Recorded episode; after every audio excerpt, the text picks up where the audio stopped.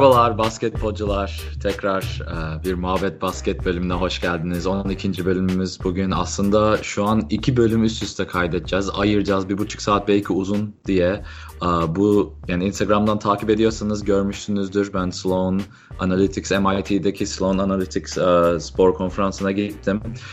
Bayağı güzel şeyler vardı NBA hakkında. Tabii bu Daryl Morey, Houston Rockets'in uh, general menajerinin başlattığı bir organizasyon senelerdir oluyor ve şimdi çok büyük bir hale geldi. Oradan birkaç NBA konu gündem, uh, geleceği, ligin, sporun geleceğini konuşalım dedik.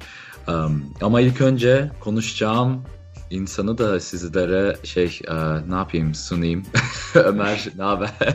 ne haber nasılsın? Ne yapıyorsun? İyiyim abi. Ee, ben aslında cumartesi günü Sloan'da zannettim. Sloan'a bir gittim. Ee, bomboş Sloan. Hatta şeyde de 300 numaralı falan filan diyordu. 300 numaralı odada konuşuyorlar falan diyordu. Dedim Sloan 3. kat herhalde. Sloan 3. kata bir baktım. İncin top oynuyor. Kimse yok. Heinz olduğu fark etmemiş. Ya Sloan'a gidecektim zaten de kahve almaya.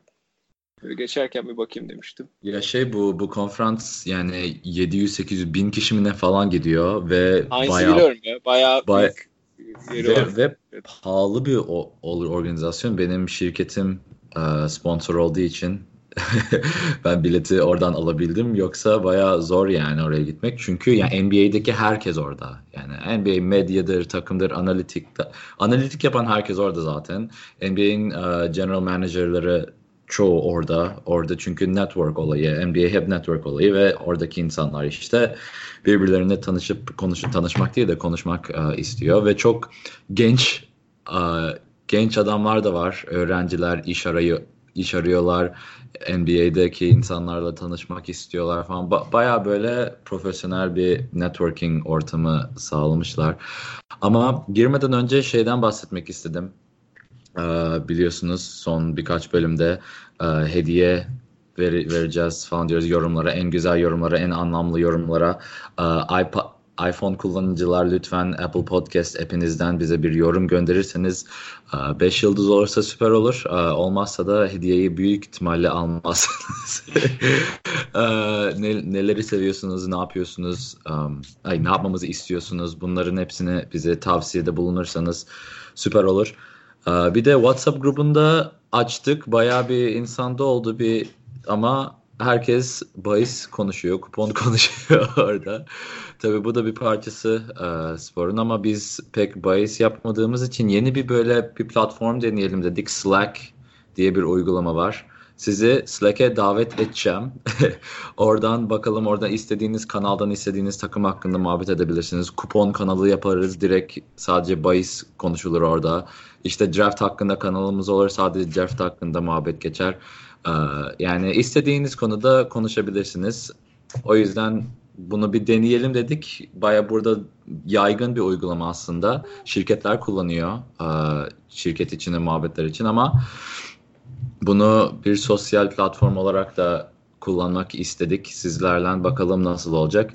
Ee, bir de şey yapmak istedim. Said Kara Aslan'a bir şey shout out yapmak istedim. Yazar bir şeyler yazmaya başlayacak.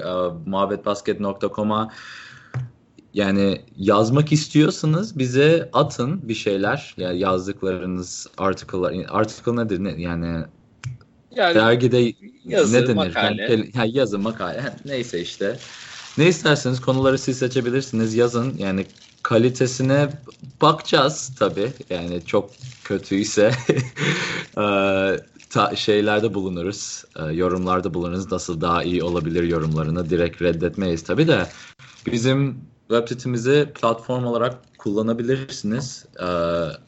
Ve böylelikle bir community, bir toplum kurmuş oluruz. Ben pek yazmayı seven bir insan değilim. Daha çok konuşuyorum. Sizler yazarsanız Muhabbet Basket e, şey ailesi işte e, okuyabilir. O kadar haberler, e, gündemler NBA'ye geçelim bence bu Sloan Analitik Konferansı'nda. Ömer ben birkaç şey yazdım burada ama istersen soruları ya ben aslında Sen şeyle başlayabilirim. Evet, başlayalım. Ben şöyle bir soruyla başlamak istiyorum. Şimdi izleyen arkadaşlar vardır belki. 2008 yapımı Ee, Brad Pitt'in oynadığı hatta George Clooney yönetmişti sanırım. Moneyball diye bir film var. Evet. Ee, şey anlatıyor 2003'te sanırım Oakland e, bu beyzbol takımının adını unuttum. Oakland, Oakland Raid Athletic. Athletics. Aynen Oakland Athletics. E, işte beyzbolda e, bu dataları kullanarak hangi oyuncunun daha değerli olabileceğini, hangi oyuncunun sayı yapma ki beyzbol işte sayı yapma üzerine kurulu bir oyun. Bütün oyunlar sayı yapma oyunu üzerine kurulu da beyzbol nispeten hani daha e, nasıl diyeyim Çok daha şey, böyle me- daha mekanik daha böyle structured. Aynen öyle. Evet. Ee, Ya şeyi basket gibi ediyorum. insanlar böyle birbirine girmiyor. Olaylar tam böyle başlıyor bitiyor, başlıyor bitiyor. Karışık değil yani akıcı değil. O yüzden Yani çok bu- istatistiğe yönelik bir spor yani. Evet ben de işte o Moneyball etkisi e, şeyde görüyoruz. Beyzbolda görüyoruz. Hatta Amerikan futbolunda da işte o tip olaylar oluyor ama NBA'de bunun şeyi nedir? Yani o NBA'de bu istatistikle e, hareket etme olayı ne kadar yaygın takımlar böyle bu tip şeyler yapıyorlar mı acaba? Çok yaygın abi. Şimdi e, Kirk Goldsberry diye bir adam var. E, geçen sene Spurs'ın analitik direktörüydü. E, ESPN'de ve Grantland'de burada medya şirketlerinde bayağı böyle shot chartları biliyorsunuz. Yani shot chart dediğimiz şey e, parkenin resminin üstünde oyuncular nereden şutları atıyor. Şimdi bu adam çok güzel image'ler, çok güzel e, visualization'lar yaptı. E, resimler yani. Ben bunları aslında Instagram'a da paylaşabilirim ama 2001-2002 senesinin ortalama shot chartına bakarsan yani en çok hangi şutlar atıldı? Böyle mid range bulabilirsiniz. Yani uzun ikilik bulabilirsiniz. Biraz üçlük, köşelerden üçlük, biraz işte çemberin altında böyle karışık renkli bir ortam çiziyor. Ee, ama 2017-18'de ortalama şutlarını bakarsan en yüksek e, şey frekansta atılan şutlar hep ya çemberde ya üçlük. Yani şey yok midrange sıfır. Midrange'deki noktalar sıfır. Yani bu tamamen Moneyball'un etkisi. Çünkü e, şey var. Çemberdeki atışlar en değerli atışlar. Çünkü en yakın yani en yakın o yüzden değer olarak en yüksek atışlar onlar. Ama birazcık yani jump shot atman lazım. Turnike seviyesine geçtiğin an, turnike uzaklığını geçtiğin an düşüyor o değer, sayı değeri. Ama bu üçlüye kadar fazla düşmüyor. Yani ilk önce çemberden gidiyorsun. Çemberden uzaklaşınca işte kaç bir metre, iki metre belki diyelim. Jump shot atma gerektiğin andan itibaren sayının değeri yüzde kırka falan düşüyor. Ama bu üçlüye kadar sabit duruyor, düşmüyor yani. O yüzden üçlüye geçince aynı seviyede, aynı miktarda atışları atarsan iki sayı yerine üç sayı alıyorsun. O yüzden ne kadar çok üçlük atarsan, ne kadar uzun ikilikleri kesersen o kadar değerli. Ve bu e, baya önemli bir konu aslında. Mesela üçlük çizgisi ilk başta yoktu NBA'de. Ama e, paint dediğimiz yer yani boyalı alan daha inceydi yani, yani daha küçüktü. Şimdi George Mikan Celtics'in e, oyuncusu Celtics'ti galiba şimdi yanılmayayım. Bir de ondan sonra Will Chamberlain aşırı ucuz ay ucuz diyorum aşırı kolay e, basket atabildiği için boyları atletiz atletizmleri herkese nazaran çok fazla olduğu için onlara oyunu zorlaştırmak istediler. O yüzden genişlettiler. Michael Lakers'taydı. Ha, Şundan. Michael Lakers'aydı Minne- pardon. Minneapolis Lakers'taydı. Minneapolis Lakers şey işte o boyalı alanı genişlettiler ki çemberin altında beklemesinler. Çünkü çemberin altında bekleyip direkt atıyorlar. Will Chamberlain bunu o yüzden yani 100 sayıyı nasıl attı? Herkesten daha uzun da atıyordu çemberin altında direkt sokuyordu içeri. Ama şimdi atlet yani oyuncular çok daha atletik. O çok daha e, uzun yani herkesin seviyesi aynı sayılır. Şimdi o geniş Will Chamberlain bugün oynasa o kadar yani dominant olurdu, süperstar olurdu ama o kadar dominant olmazdı. Yani o kadar kolay olmazdı. Şimdi şey diyorlar mesela Kirk Goldsberry bu analitik adamı diyor ki e, biz ikiliyi daha değerli yapalım. Post-up'ı daha değerli yapalım. Nasıl daha değerli yapalım? E boyalı alanı biraz daha inceltelim. Eskisi gibi yapalım. Üçlüyü tutalım. Şimdi post-up'lar yani çembere daha yakın olacaksın. Çembere daha yakında durursan post-up'ların değeri bir tık yükselecek. Post-up'ların değerini yükseltirsen şimdi post-up da yapman lazım olacak. Çünkü her şey herkes numaralara göre oynuyor. Doğru. Ayrıca ayrıca üçlük şimdi her şutun atıldığı nokta noktasını biliyoruz artık. Şimdi bütün analitik kameralar, computer vision'lar, AI'lar işte bayağı yani gelişti bu teknoloji. Bütün atılan şutların noktasını biliyoruz. O noktadan atılan şutların değerini de biliyoruz yüzde olarak. Şimdi ortalama yüzde, üçlük sayısı yüzde 36 mı? 35 yani 36.2 falan. Şimdi yüzde 33 üçlük atarsan yüzde 50 ikilikle aynı. Ama şimdi diyelim biz e, bir yani ortalama değeri 1'e getirmek istiyoruz. İkiliklerin %50'sini atarsan bir sayı ortalama. Üçlüklerin %33'ünü atarsan bir sayı ortalama. E biz şimdi atıldığın atılın noktaların ne kadar sıklıkta girdiğini biliyoruz. E, üçlüyü daha değerli yapmak istiyorsak ya da daha çok azaltmak istiyorsak o üçlüğünün değerini yüz, yani %36 demek 1.1 sayı. Bir sayıdan daha fazla. Onu geriye çekersek yani üçlük çizgisini geriye çekersek bir köşedeki çizgiler yok oluyor. Çünkü köşedeki çizgiler normal üçlükten daha kısa ikilik gibi atılıyor ve oradan üç sayı alabilince aşırı değerli bir sayı oluyor. Köşe üç, üçlüğün değeri yüzde 41 times 3 ne oluyor? İşte 1.2 mi ne? Bayağı değerli bir atış köşe üçlükleri. Zaten ilk mesela e, şeyde de e, geçen sene sanırım geçen sene ondan önceki sene ya da geçen sene de evet Aaron Baines yani insan şeylere üçlük atmayan oyunculara üçlük atmayı öğrettikleri zaman e, bir ve iki numara olmayan, guard olmayan evet. oyunculara üçlü öğrettikleri zaman köşeleri öğretiyorlar genelde. Evet. Hem o olanı açmayı sağlıyor hem de dediğin gibi daha değerli, daha kolay aslında nispeten. Çünkü daha yakın olduğu için ve o köşeler de ciddi bir alanı da açıyor. Ee, yani arkadan kat yapabilirsin, backdoor yapabilirsin birçok şey de getiriyor. Dediğin gibi bunları bunları düşünerek muhtemelen mesela Aaron Baines'i bunları düşünerek köşe üçlü öğretiyorlar veya evet. İşte e, Raptors'ta da Raptors'ta diyorum Houston'da daha bugün e, adını hep unutuyorum ya şeyin. Houston Capella mı? Farid mi? Yok üçlük atan. Ha. Ee, uh, Pardon, savunma. Gordon, PG Tucker, PJ Tucker. PJ Tucker. Ha, PJ Tucker.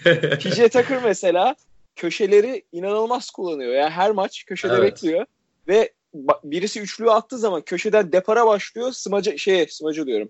Rebound'a çıkmaya çalışıyor falan. Hani bunları muhtemelen dediğin gibi e, bu hesapları, kitapları bir tarafta düşünerek yapıyorlar. Bir tarafta düşünerek yönlendiriyorlar böyle çok fazla versatile olmayan, çok fazla oyunu geniş olmayan oyunculara bir renk katma adına, onları daha değerli kılma adına bir bir şey öğretmek istiyorlarsa bu tip bu tip şeyleri seçerek öğretiyorlar muhtemelen. Ya kurallar kuralları değiştiriyorlar. Mesela 3 saniye kuralı yoktu eskiden. Evet. Defanslar 2004'te eskiden oyuncuların eline biraz böyle vurabiliyor. Hand check deniliyor. Hand check yapabiliyordun. Defans şimdi hand check'e kaldırdılar. O yüzden kısalar o kadar fa- çok fazla etkili olmaya başladı. Çünkü artık onları durduramıyordun. Ellerinle durduramıyorsun şu an. Foul çünkü. Şimdi bu değiş... devamlılığına dair bir karar aldılar. Evet. İşte to- gather Nerede topu topluyorsun, nerede çıkabilirsin. Hani Aynen. Envan kurallarını değiştirdiler. Ya şimdi mesafenin mesafenin yüzde olarak değerlerini biliyoruz şimdi artık a, teknolojiyle ilgili. Şimdi diyelim biz yüzde 35 indirme yani yüzde 36.2 fazla 35'te tutmamız lazım.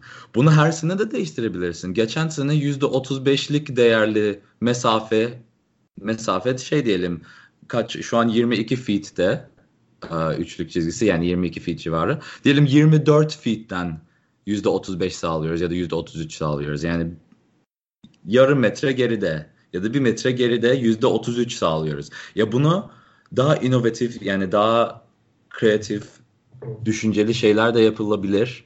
Um, oyunun gerçekten çünkü şu anki gidişatıyla üçlükler üçlüklerin azalma imkanı yok. Sıfır yani çoğalacak. Çünkü değeri fazla. Yani gidip mesela indirimde puan, indirimde sayı gibi bir şey yani. Gidiyorsun neyse.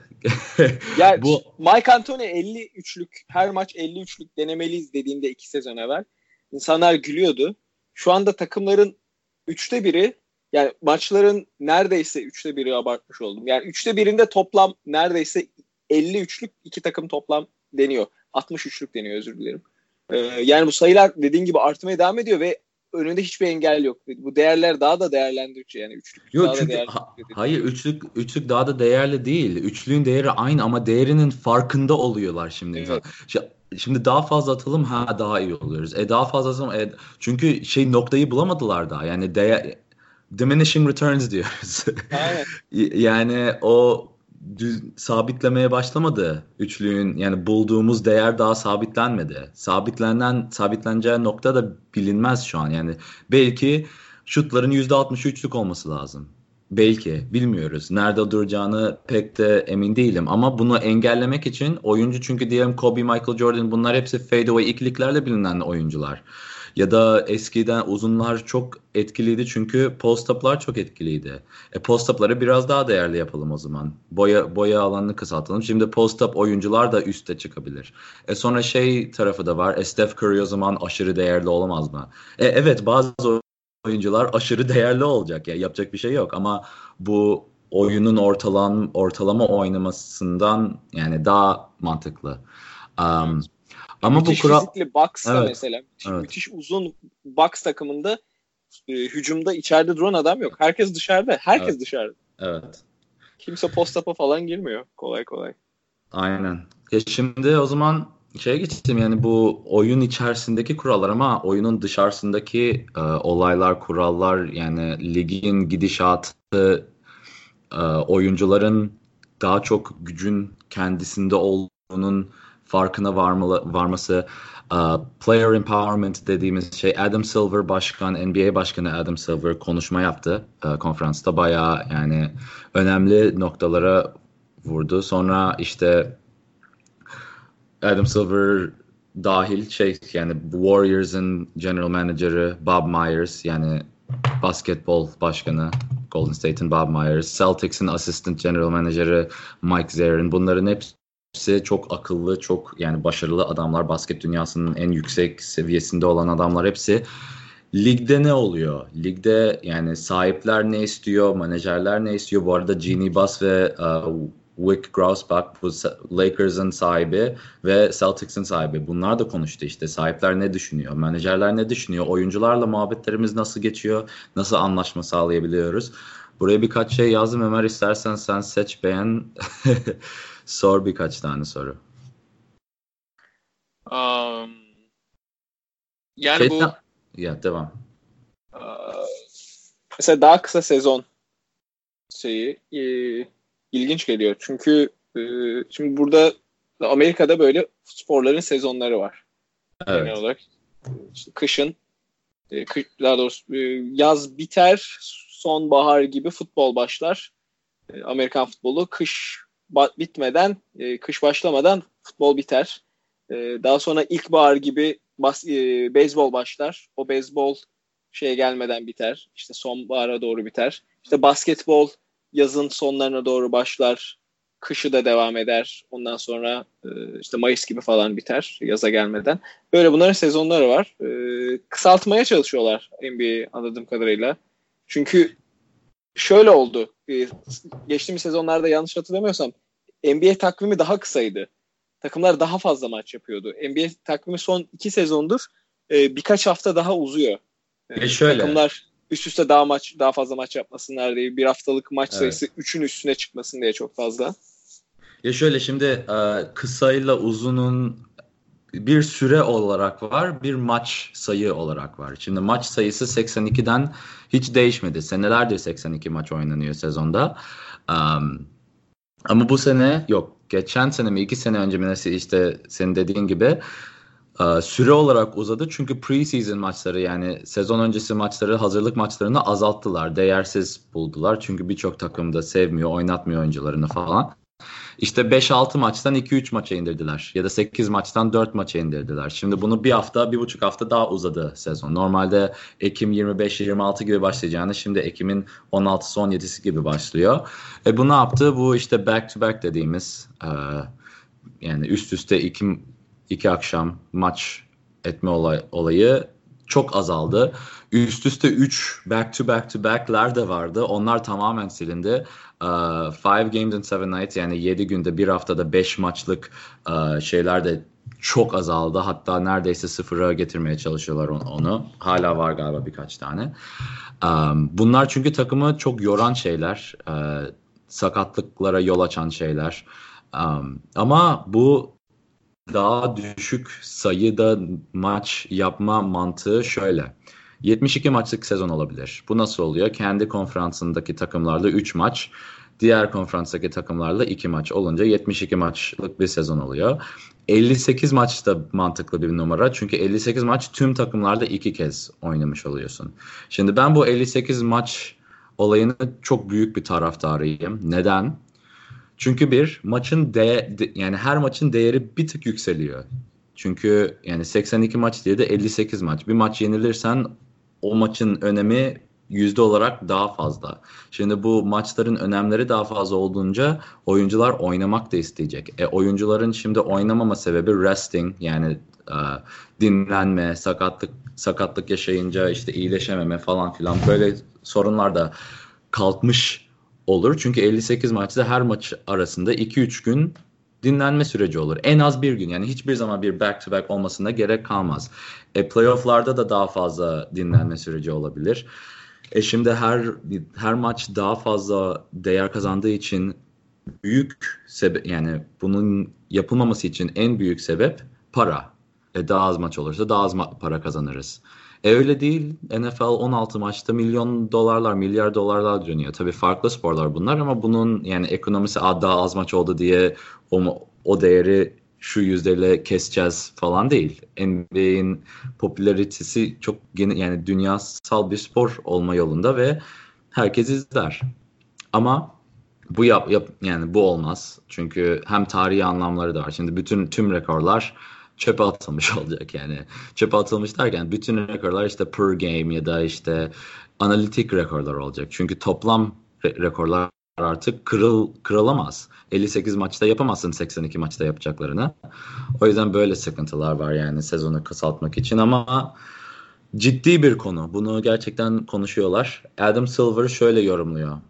Um, yani şey düşünüyoruz. 82 maç gene oynansın ama belki 82 maçın hepsi normal sezon maçı değil de ortaya bir kupa gibi bir olay katalım. Yani küçük bir 2-3 haftalık bir turnuva onu kazanan da gerçekten yani değerli bir şey kazanmış gibi. Yani nasıl Türkiye kupası var. Bizim hem şampiyon yani normal lig kupası var hem Türkiye kupası var. E böyle bir şey deneyelim ki diğer takımlarda tek maçta kazanabilecek bir umutları olsun. Yani şu an umutsuz davranıyor takımlar değil mi? Yani alttaki takımların kazanamayacağı belli. Ama böyle bir kupa olursa hem 82 maç olur hem daha değişik yani variety olur. Adam Silver bu yani bunları düşünüyor. Gerçekten ciddi olarak düşünüyorlar. Şey de düşünüyorlar. 7 ile 10. sıradaki takımlar konferansta single elimination yani tek maçlık bir küçük playofflardan önce bir turnuva olsun. Yani 10. olmak da değerli olsun. Bu ne yapıyor? 11. 12. takımların aşağı tank'e gitmesi git, yani gitmek istemesinden yük, yani yükselip playoff playoff'lara girelim gibi şansımız olsun. Playoff'lara girecek yani yarışacak takımlar daha fazla olsun. Hem 7. bitirmekte garanti değil artık playoff'lar. Böyle daha değişik bir heyecan da katmış olur. Baya mantıklı ya. Çünkü evet. evet dediğin gibi şeyler için özellikle şey çok sıkıcı oluyor. Ee, tank eden takımlar, takımlar işte son 3. son son 4'teki takımlar ayrı. Onlar zaten düşüyorlar. Playoff ve playoff mücadelesi olan takımlar. Arada böyle bir limboda kalan takımlar oluyor o takımların maçları gerçekten hiç izlenmiyor yani. Mesela geçen sene e, evet. Lakers'ın maçları hiç izlenmiyordu. Son 20 maçı Aynen. böyle arada kaldılar. Ee, İki takım zaten... da yenilmek isteyince nasıl yani çok ama oyuncular yenilmek istemiyor hiçbir zaman. Yok yenilme olarak değil. Yani bir amacı yok. Kazanma evet, veya kaybetme aynen. gibi bir iki tarafta da yok yani. Böyle hani o o gününün o günü kazanma veya o günü kaybetme şeyi yok. Evet. Ya Tank'e o zaman direkt girelim çünkü Tank de çok büyük bir um, gündem NBA'de. Adam Silver'ın en sevmediği şey bu. Çünkü dediğim gibi yani takımların rekabet etmesini istiyor. Ama sadece oyuncuların değil yönetimin de her maç için kazanmak istemesini istiyorlar. Rekabet istiyorlar. Oyuncular dahil olsun, antrenörler dahil olsun. Herkesin kazanmasını istiyor. Rekabet istiyor. E şimdi bu olmuyor çünkü ama neden olmuyor? Çünkü en kötü takımların en yüksek piki alıyorlar. E bu yani aşırı değerli bir şey. Yani Zion'u konuştuk ama LeBron James geliyor, Anthony Davis geliyor. Yani bu oyuncular tek oyuncu tamamen gidişatını değiştiriyor takımın.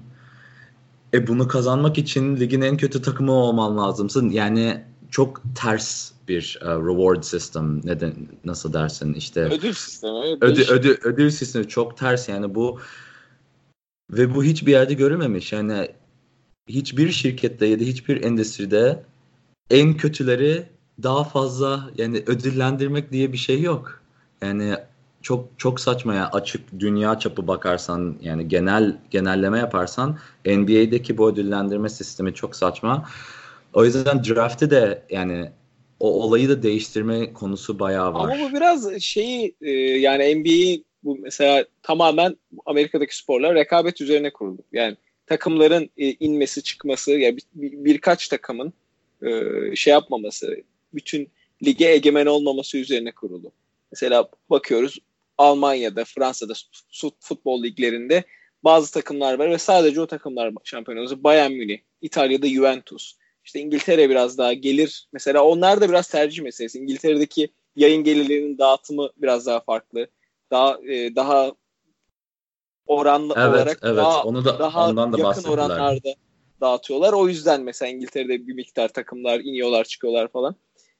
Ama Amerika'daki çoğu sporlarda ya zaten kulüplerin altyapıları yok. Bu kulüplerin altyapıları olmadığı için üniversiteler öğrenci yetiştiriyor. Bir draft da bir şekilde gelmesi hani aşağıdaki takımların bir yerden sonra belki yukarı çıkabilmelerini sağlıyor ama ya basketbol mesela beyzboldan veya Amerikan futbolundan o anlamda çok farklı. Çünkü dediğin gibi bir oyuncunun etkisi çok fazla. Mesela Amerikan futbolunda birinci sıradan draft ettiğin oyuncu çok değerli olabiliyor. Mesela bu sene e, Cleveland bir tane quarterback draft etmişti. Hakikaten o franchise'ın kaderini değiştirebilecek bir oyuncu olacak.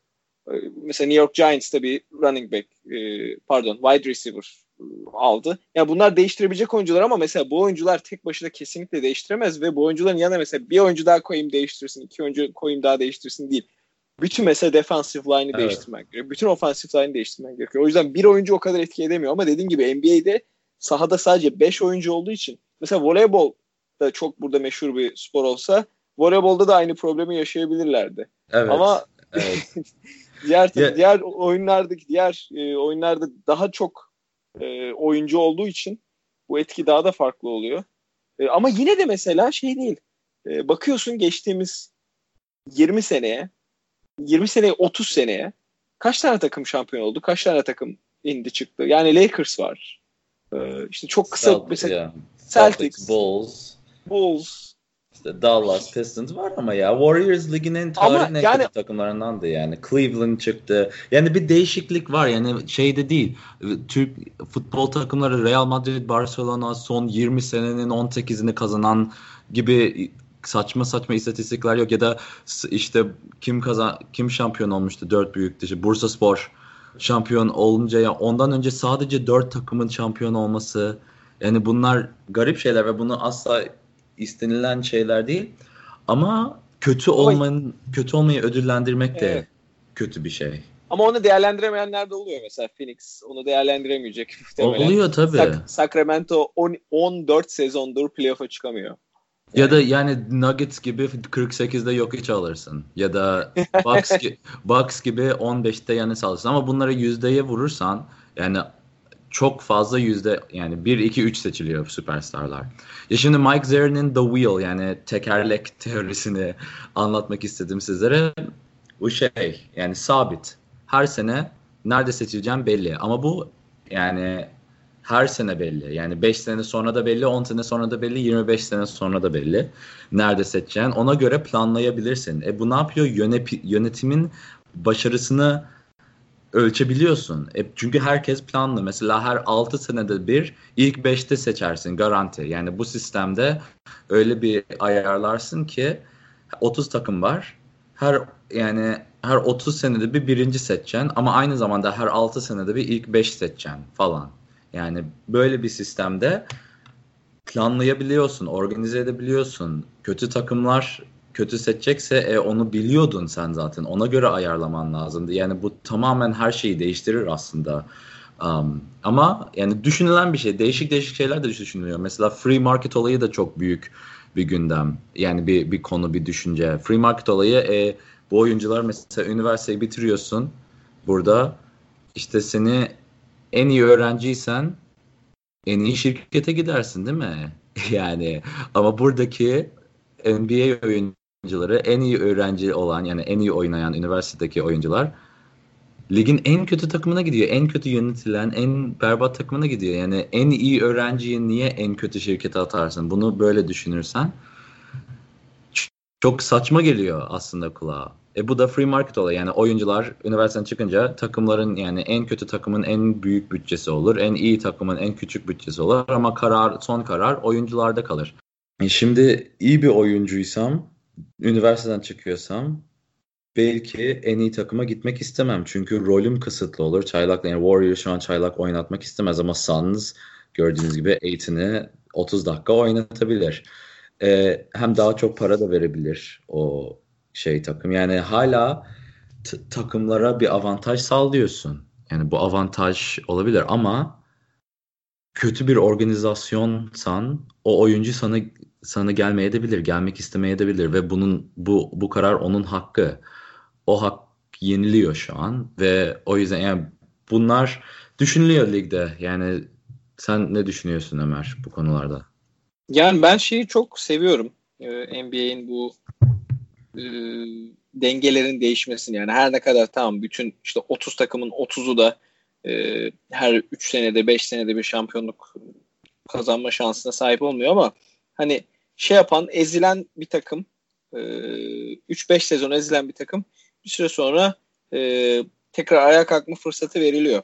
Onu seviyorum ama dediğin durum da var. Evet yani şey yapan franchise'lar var işte. Atıyorum e, şey iyi değil.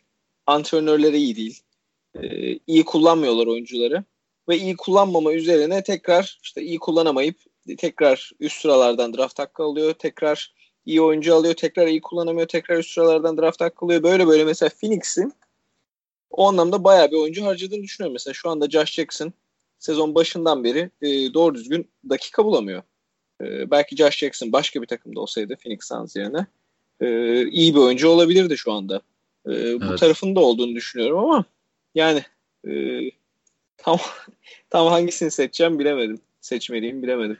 Ya zor kararlar tabii o yüzden de işte e, böyle ortalarda kalıyor ve şey sahiplerin üçte ikisi mi galiba galiba öyle galiba üç, üçte ikisi onaylaması lazım böyle büyük kural değişiklikleri ve tabii bu sadece sahipler değil oyuncuların da etkiledi yani oyuncuları da etkileyen bir durum olursa oyuncular da buna onay vermesi lazım. Yani bu sistem kuralları değiştirmek zor bir olay. Ama bence daha iyiye gidebilir lig bazı değişiklikleri bazı değişiklikleri yapılırsa. Neyse oyuncuların hakları yenmesi işte oyuncuların gücü yani onlarda olmasından da bahsediyorduk biraz. Bu da büyük bir konuydu. Çünkü şimdi görüyoruz. Mesela Kyrie Irving diyor ki ben takas istiyorum. Kontratında bir sene var. Ya da Anthony Davis bu sene kontratında iki senesi var. Ve takas olmak istiyorum. Ben burada olmak istemiyorum. Bir zaten takası istemek yani açık açık istemek medyaya karşı falan söylemek bu yasak. Cezasını aldı ama 50 bin dolar ceza. Pek de etkilemez.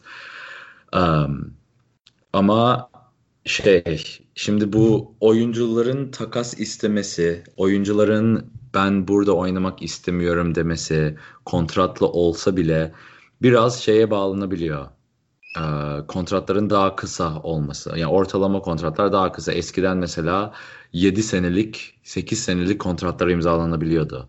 Ama bunu geçen 2011'de imzalanan işte CBA bu oyuncularla sahiplerin arasındaki anlaşmada 7 sezonluk kontratlar um, yasaklandı. Yani en fazla 5 sene alıp yapabilirsin. Bu son senelerde 5 sene yapabildiğin halde oyuncular daha da kısa kontratlar istiyor. Takımlar da aslında bunu istiyor. Çünkü daha fazla esneklik sağlıyor ileride. Ama bu olunca şimdi oyuncular böyle gücünü anlamaya başladı. E ben istemiyorsam oynamam diyor. Okey. Takımında diyeceği pek bir şey yok. Yani bu senin için daha mı heyecan yarattı ligde yoksa bu işte ne ol, ne olup ne bittiğini anlayamayan ya da lig böyle karışık bir çorba gibi, olmasının negatif şey efektleri de var mı senin için? Ya oyuncuların ya böyle bir esneklik olması güzel bir şey. Oyuncuların istediği takıma e, ya bir yerden sonra oyuncuların istediğin takıma gidebilmesi e, bence güzel bir şey şey anlamında. E, yani NBA'in bu tabii ki tercihlerine biraz ters oluyor ama bu, bu tamamen aslında böyle küçük NBA'deki küçük marketleri, küçük takımları koruma amaçlı. İşte New Orleans küçük bir market. E, zaten basketbol şehri değil. New Orleans'tan Anthony Davis gidince New Orleans'ta maçları kim izleyecek?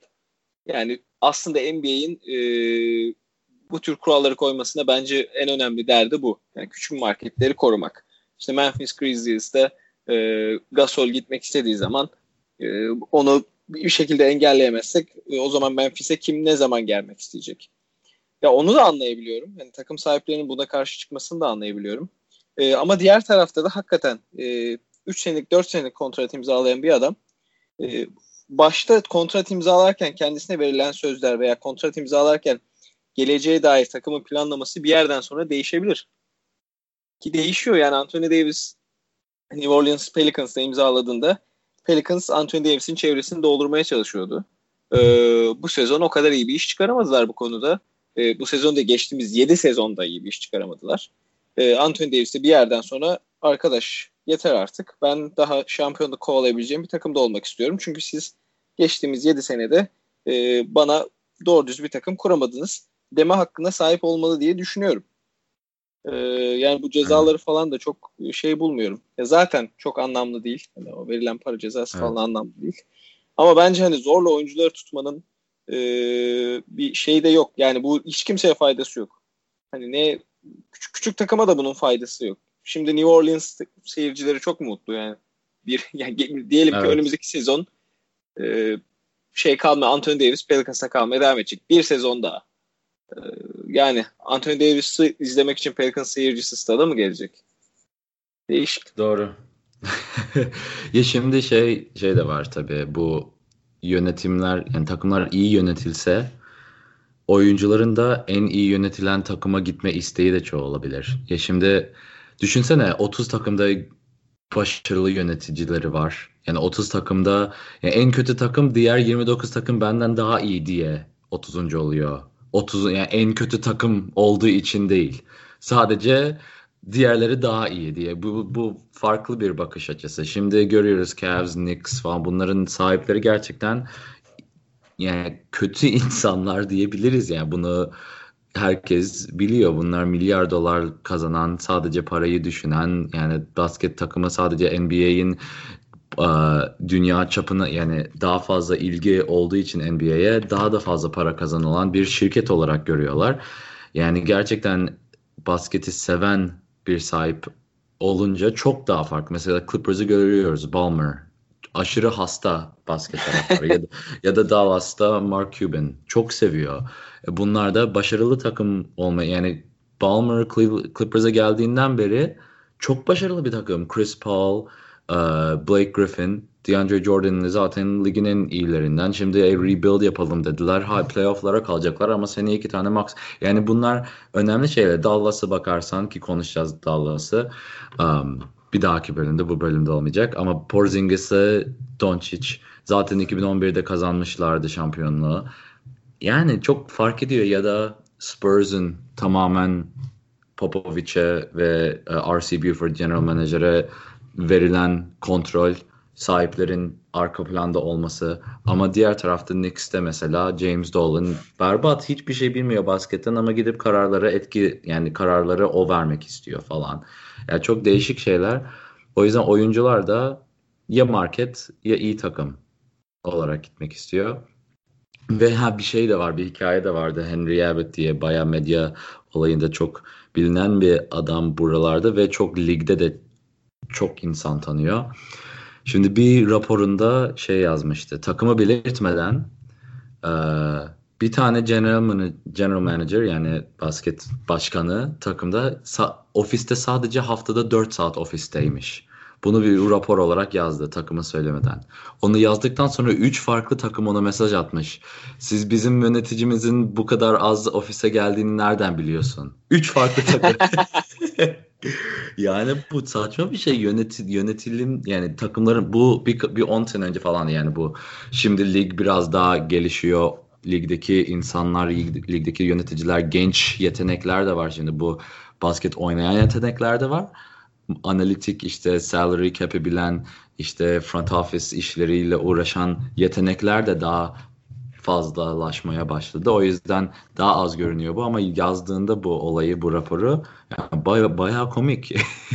Siz yenilmiyorsunuz. Takımlar, taraftarlar oyunculara sinirleniyor da asıl yöneticilere sinirlenmeleri lazım. Neyse işte o da başka bir konu. Ee, neler var? Ha, tank olayında küme düşme muhabbeti de bayağı geçiyor burada. Tabii ikinci lig yok küme düşmek için ama ikinci lig büyürse belki küme düşme de olabilir ama ya ben sahipler... çok kısa ha. bir şey daha söyleyebilir miyim? Söyleyebilirsin. Abi. Yani takımların böyle oyuncuların üzerindeki güçleri e, ya şey örnekleri var. Ya mesela e, Joe Barry Carroll diye bir oyuncu vardı 80'lerde işte Gold, e, Golden State Warriors'ta oynuyor. Adam e, Golden State'de sözleşme yenileme kimse istemiyor. E, yeterince para vermiyorlar. E, ve o sezon yani 20 sayı ortalamayla işte 8 reboundda falan yani All-Star olmak üzere olabilecek bir oyuncu. Bayağı All-Star potansiyeli bir oyuncu. Bu Golden State şeyinden dolayı e, yani anlaşmaya varamadık, varamadıkları için adam İtalya'ya gidiyor. Bir sene oynuyor ve ondan sonra geri geliyor. Bir sonraki sezon All-Star falan oluyor. Yani böyle e, takımların oyuncuların üzerinde daha fazla hak sahibi olması hiçbir zaman iyi bir şey olduğunu düşünmüyorum ben. Hele bu çağda e, yani oyuncular kafalarını esip ligi bırakabilirler. Ya ama bu bu güç her zaman vardı. Mesela 80'li yıllarda Karim Abdul-Jabbar Bucks'tan takas istedi Lakers'a. Bunu ama günde yani herkese söylemedi. Medyaya söylemedi. Bir bu sezon bir boyunca olmadı. bekledi. Evet, sezon, sezon boyunca bekledi. bekledi. Gitti menajer yönetime sordu. Ben burada olmak istemiyorum. Yapacağımı yaptım. İşte Lakers'a gitmek istiyorum ya da Knicks'e gitmek istiyorum. Oraya gönderebilirsiniz. Süper olur ama ben bu kontratımı imzalamayacağım. Size de haber vermek istiyorum. Bu haber takım için de iyi. Çünkü Bob Myers mesela Golden State'in menajeri Zach Lowe'un podcast'i. Zach Lowe bayağı NBA medyanın en büyük isimlerinden. Onun podcast'inde şey dedi. Ya bana gelirse benim en iyi oyuncum. Ben burada bir yenme kültürü, bir basketbol başarı kültürü kurmak istiyorum ve bunun en başta gelen isim süperstarımız kim olursa olsun süperstarsa onun da bu vizyona katılması lazım. Bu vizyon sadece benim değil takımın vizyonu ve süperstarımız bu vizyona katılmıyorsa ve bu ben bu takımda oynamak istiyorum diyorsa ben de onu isteyemem. Yani benim için de takım için de asla bir faydası olmayacak bir oyuncu ve bunu bana söylemesi benim için daha iyi çünkü ben en azından planlarımı, programlarımı yapmaya başlayabilirim. Evet. Ya işte böyle kafa yapısına sahip adamlar zaten başlara geliyor ama bazıları böyle değil. Yani Bob Myers'ın en iyi karakteristik karakteristiği şey e, insanlarla olan iletişimi, iletişim kurması. Çok önemli bu. Yani takaslarda negotiate yapıyorsun. Ne, ne, ne yapıyorsun? Yani negotiate nedir? Ee, yani, Türkçe'de. E, anlaşmaya varmanı yani evet. bu önemli yetenekler bunlar. İnsanlarla tanıyıp konuşmak, arkadaş olabilmek. Ve Bob Myers'ın bu kafa yapısı zaten belli oluyor Warriors'ın e, başarısından son senelerde. Ama yani bu konuda bir diyeceğim bir şey var mı? Çünkü NBA'in izleme geleceğini de konuşalım dedik. Bu bölümü de böyle sonlandıralım. Bana katılıyorum dediğine. Ee, yani işte New Orleans Pelicans'ın nasıl yönetildiğini geçtiğimiz e, işte bir, bir aylık süreçte bu takas şeyinde gördük. Ee, ve onlar için daha iyi olmayacak durum. Ee, yani o takım menajerlerinin bu, bu kafa yapısına sahip olması lazım. Kesinlikle. Aynen öyle. Ya şimdi dediğim gibi NBA'in izleme geleceği de önemli. Ee, bu bahsetmiştik işte bu AI'lar, e, computer vision'lar işte bayağı teknolojinin yükseldiği bir çağdayız.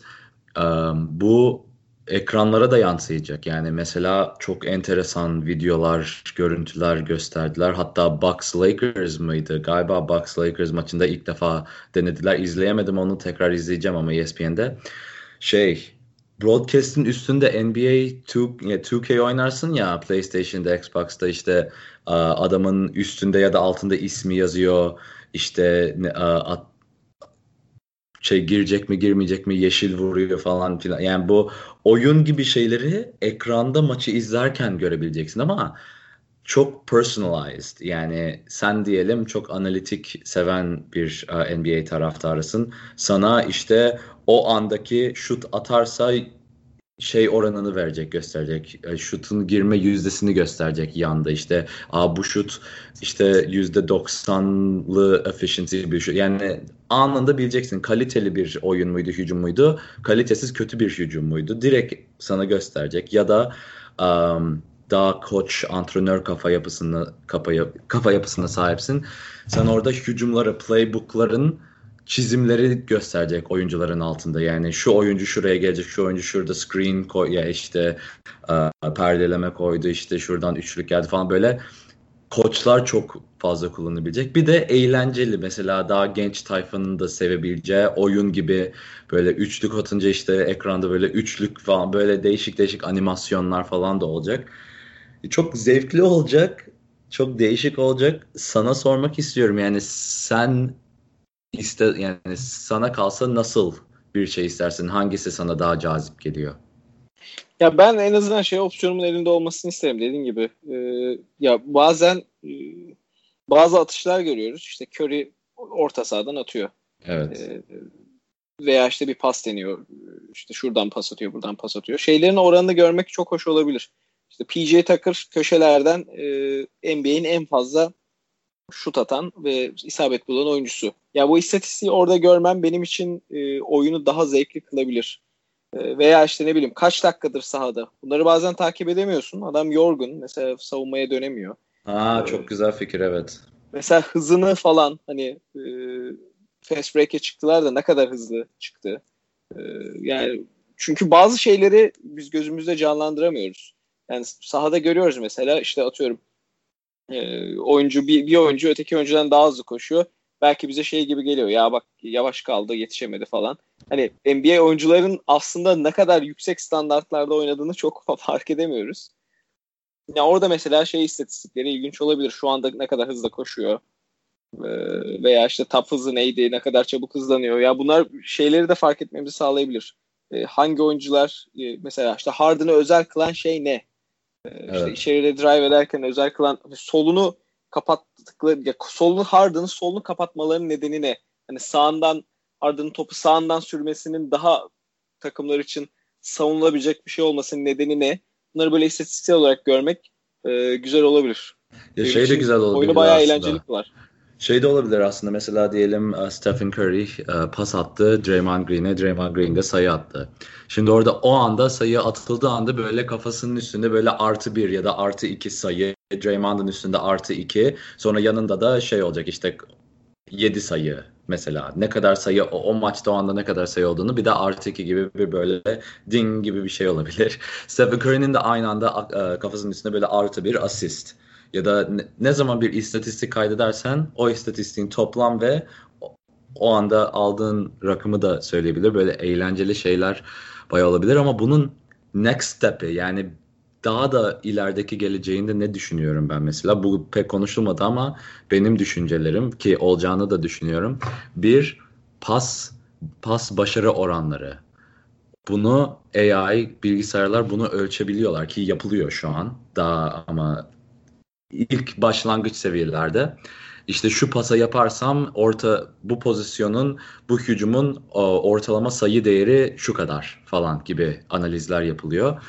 E bunu diyelim gözlük taktın ya da işte contact lens taktın e, herhangi bir NBA oyuncusuna. Şimdi o lensde bu e, teknoloji içinde olduğunu düşün. Yani vizyonu sadece biz ekranlarda değil ama onlar gözlerin AR olarak yani AR kullanarak, kullanarak pas yüzdelerini yeşil ve kırmızı çizgi olarak görüp ha şu pası şimdi yapmam lazım ya da şu pası yani yeşil olduğu an o pası yap. Yani böyle şeyler de lig nereye gidecek? Yani bunlar artık basketçi mi yoksa bilgisayarla karışmış bir böyle yani farklı bir şey mi? Yani çok değişik değişik şeyler de olabilir.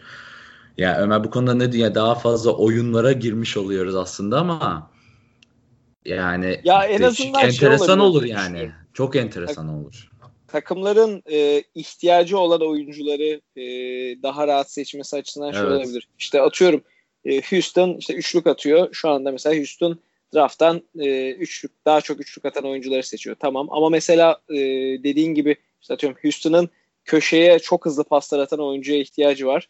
İşte NBA'de e, de işte NFL'de yapıldığı gibi bazı kombolar falan yapılıp onun analitikleri kullanılıp ha, evet pas takımlar... hızı enteresan pas hızıyla isabet evet. oranı yani en isabetli pası bu adam atıyor ama pas hızı çok düşük. Ama bu adam çok daha hızlı pas atıyor ama isabet oranı azıcık daha düşük falan. Yani belki hızı istersin o isabet oranını biraz düşürsün ama ben yok. Yavaş da olabilir bu paslar çünkü hep şey yapıyorum. İşte hep Capella'ya alayıp atıyorum. Bu pasların hızı o kadar da önemli değil. isabeti daha önemli. O zaman böyle bir oyuncu alırım. Yani bu böyle şeyler çok olacak ki oluyordur da biz yani arka planda görmediğimiz birçok şey vardır. Takas picklerin, takasların değerleri, draft picklerin değerleri, draft pick'in koruma değerleri de ölçülmeye başladı. Mesela şimdi çoğu takım top 1 koruma yapıyor ya da 5 koruma ya da 10 koruma ama bunu 8, 9, 7, 11 koruma yapman ya yapabilirsin. Böyle bir kural yok. İlla 5 ve 10 ve 15 olması lazım ol, olması gerek değil. Yani bu seviyede analiz, analizler de oluyor. Um, ama benim yazdığım tüm o konuları konuştuk Ömer. senin senin yani bu benim için eğlenceli bir bölüm oldu. Bir sohbet oldu gerçekten. Çünkü bunlar yani NBA'in nereye gittiğini gösteren şeyler bunlar. Um, sen ne düşünüyorsun? Yani hangisi en enteresan? Ya bir, bir kapanış yapalım burada. Ee, ya biraz belki mesleki şeyden de kaynaklanıyor olabilir ama bu e, NBA'in finansal dengesinin sağlanması ve ya finansal dengesiyle beraber işte oyuncu kalitesi dengesinin de biraz daha dağıtımı, oyuncu kalitesinin dağıtımı konusundaki kurallar beni daha çok hoşuma gidiyor.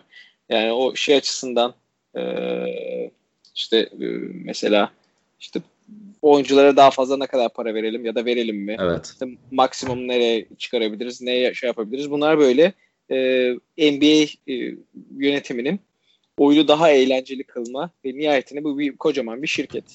E, daha karlı kılma adına e, kullanabileceği aletler. E, bunlar işte politika araçları. Hani Merkez Bankası'nın para basması gibi düşünebilirsiniz veya işte faizlerle oynaması gibi düşünebilirsiniz. Bu da aslında NBA yönetiminin NBA takımlarına e, para kazandırma açısından ve NBA seyircisini yani NBA takımlarına para kazandırmak aslında şey anlamına geliyor. NBA seyircisi NBA izlemekten daha fazla zevk alıyor ve daha fazla kişi izliyor anlamına geliyor. Yani bizim evet. için de aslında güzel bir şey. E, bunu fazlalaştırma adına bu tip politikaları kullanması, daha aktif kullanması ve bu, bu tip politikaların farkında olması bence çok e, önemli bir şey. E, yani zaten NBA 80'lerden itibaren e, işte David Stern'le beraber e, daha dediğin gibi şirket kafasıyla daha bu verimlilik kafasıyla çalışmaya başladığından beri daha da iyi gidiyor. Ve ben e, ya diğer sporları o anlamda da geçeceğini düşünüyorum. Yani global olması açısından NBA e, Amerika'daki oynanan sporların en globali. Ve bu global yani fu- numaralara bakarsan yani futbolun yaptıklarını değiştirmezse daha modern olmaya çalışmazsa futbolu da geçebilecek bir seviyede hızlanıyor NBA'in e, dünyasal takibi ilgisi. Yani futbolu geçer mi bilmiyorum o zor. Ama şimdiki trendlere bakarsan bir 10-15-20 senede geçebileceğini gözük yani gösteriyor e, analizler. Bazı analizler en azından. Evet evet ya bunlar bunlarda işte NBA yönetiminin bu şeyin payı daha fazla. Ee, yani NBA yönetiminin evet. ben NFL yönetiminden daha akıllı olduğunu düşünüyorum. NBA yönetimi. Evet, evet abi. Yani eski kafa çünkü NFL. Yaşlı zengin adamların daha çok para kazanabilme olayları daha yani innovation yok. Yani yeni yenilere, teknolojiye işte genç e, izleyicilere ya kimse televizyon izlemiyor artık. Yani televizyon subscription satın alan kimse yok artık. Yani genç olan. e, tayfadan. Herkes internetten izliyor. NFL hala televizyona koyuyor. NBA ne yapıyor? İşte G League maçlarını Twitch'te yayınlıyor. Mesela Facebook Live'da yayınlıyor. Ya da e, işte YouTube'la anlaşmaları Hulu. Yani NBA anlıyor. Dünyanın nereye gittiğini anlıyor. Diğer ligler, sporlar anlayamıyor maalesef. Onlar da anlayacak ama bazı kameraları mesela NBA app'ine bazı kameralı maçları bazı kameralardan veriyor. Bedavaya veriyor. Evet aynen öyle. Ya çünkü bunlar bedava zaten izleniliyor. Ben size nereden NBA Reddit Streams yazın diyorum. Google'a izleyin diyorum. Zaten bunu herkes yapıyor. Bunu bilmemek saçmalık, enayilik yani bunu düşünmemek. Um, ama yani bazı insanlar uh, eski eskiden uh, çalışan ve başarılı olan şeylerin şimdi başarılı olmamasını kabullenemiyor maalesef.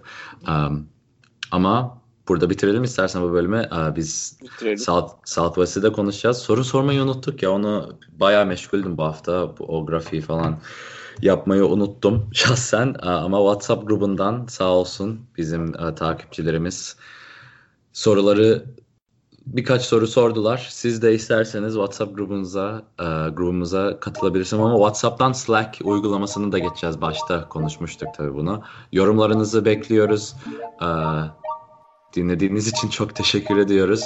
Ömer senin de tabii bugünkü muhabbete dahil olman benim için ayrı bir zevk, ayrı bir onur, gurur ve